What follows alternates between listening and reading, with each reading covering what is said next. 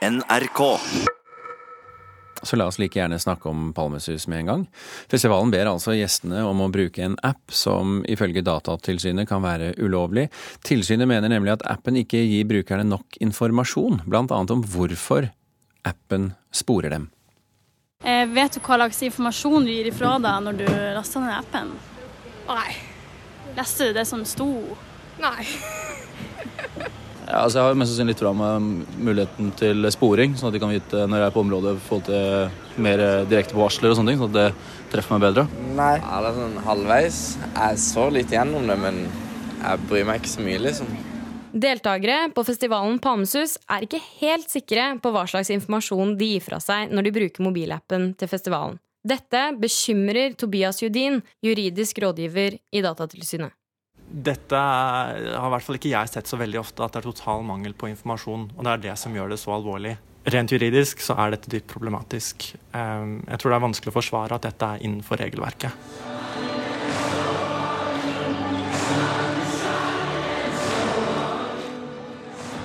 Dette er lyd fra promovideoen til Palmesus. Festivalen som starter i dag, har over 30 000 besøkende hvert år.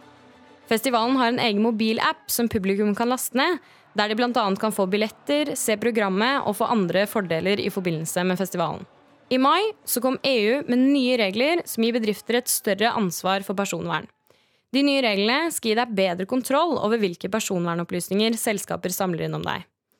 Datatilsynet mener Palmesus gir altfor lite informasjon om hva de bruker personopplysningene til, når folk tar i bruk appen deres. Jeg ble litt overraska over hvor lite informasjon det var, egentlig.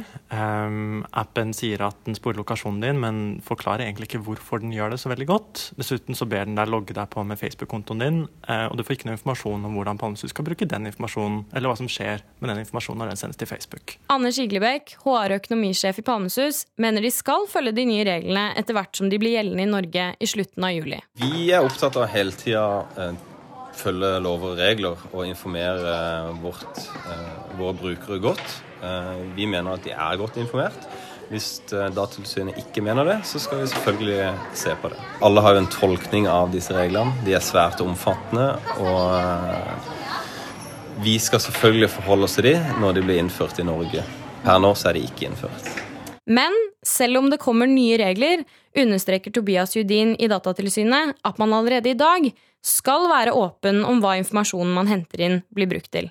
Datatilsynet mener Palmsus bør gjøre følgende endringer på appen for at den skal holde seg innenfor lovverket. De bør gå gjennom appen sin og så bør de legge inn informasjon om hvordan de behandler personopplysninger. Den informasjonen skal være kortfatta, lett å forstå, eh, og det skal gjøre den enkelte i stand til å foreta informerte valg. Da har Palmesus absolutt en jobb å gjøre, eh, og det haster. Den nye personopplysningsloven vil sannsynligvis trå i kraft i juli måned, og bryter man den, så risikerer man bøter. Og De som hadde laget denne reportasjen, det var Kaja Marie Andreassen, Kristine Hoff og Christian Ingebretsen. Vær helt ærlig nå. Hvor mange sånne brukervilkår og betingelser har du faktisk lest gjennom før du har tatt i bruk en app? Skal jeg få tippe? Så tipper jeg aldri. Du derimot, kulturreporter Tone Staude, du er jo et ordentlig menneske og leser vel pliktskyldigst? Nei, det må jeg innrømme at jeg aldri gjør. Og, og, nå har journalister fra BBC undersøkt akkurat dette på en rekke apper som barn ofte bruker, da. Ja, hva fant de ut av?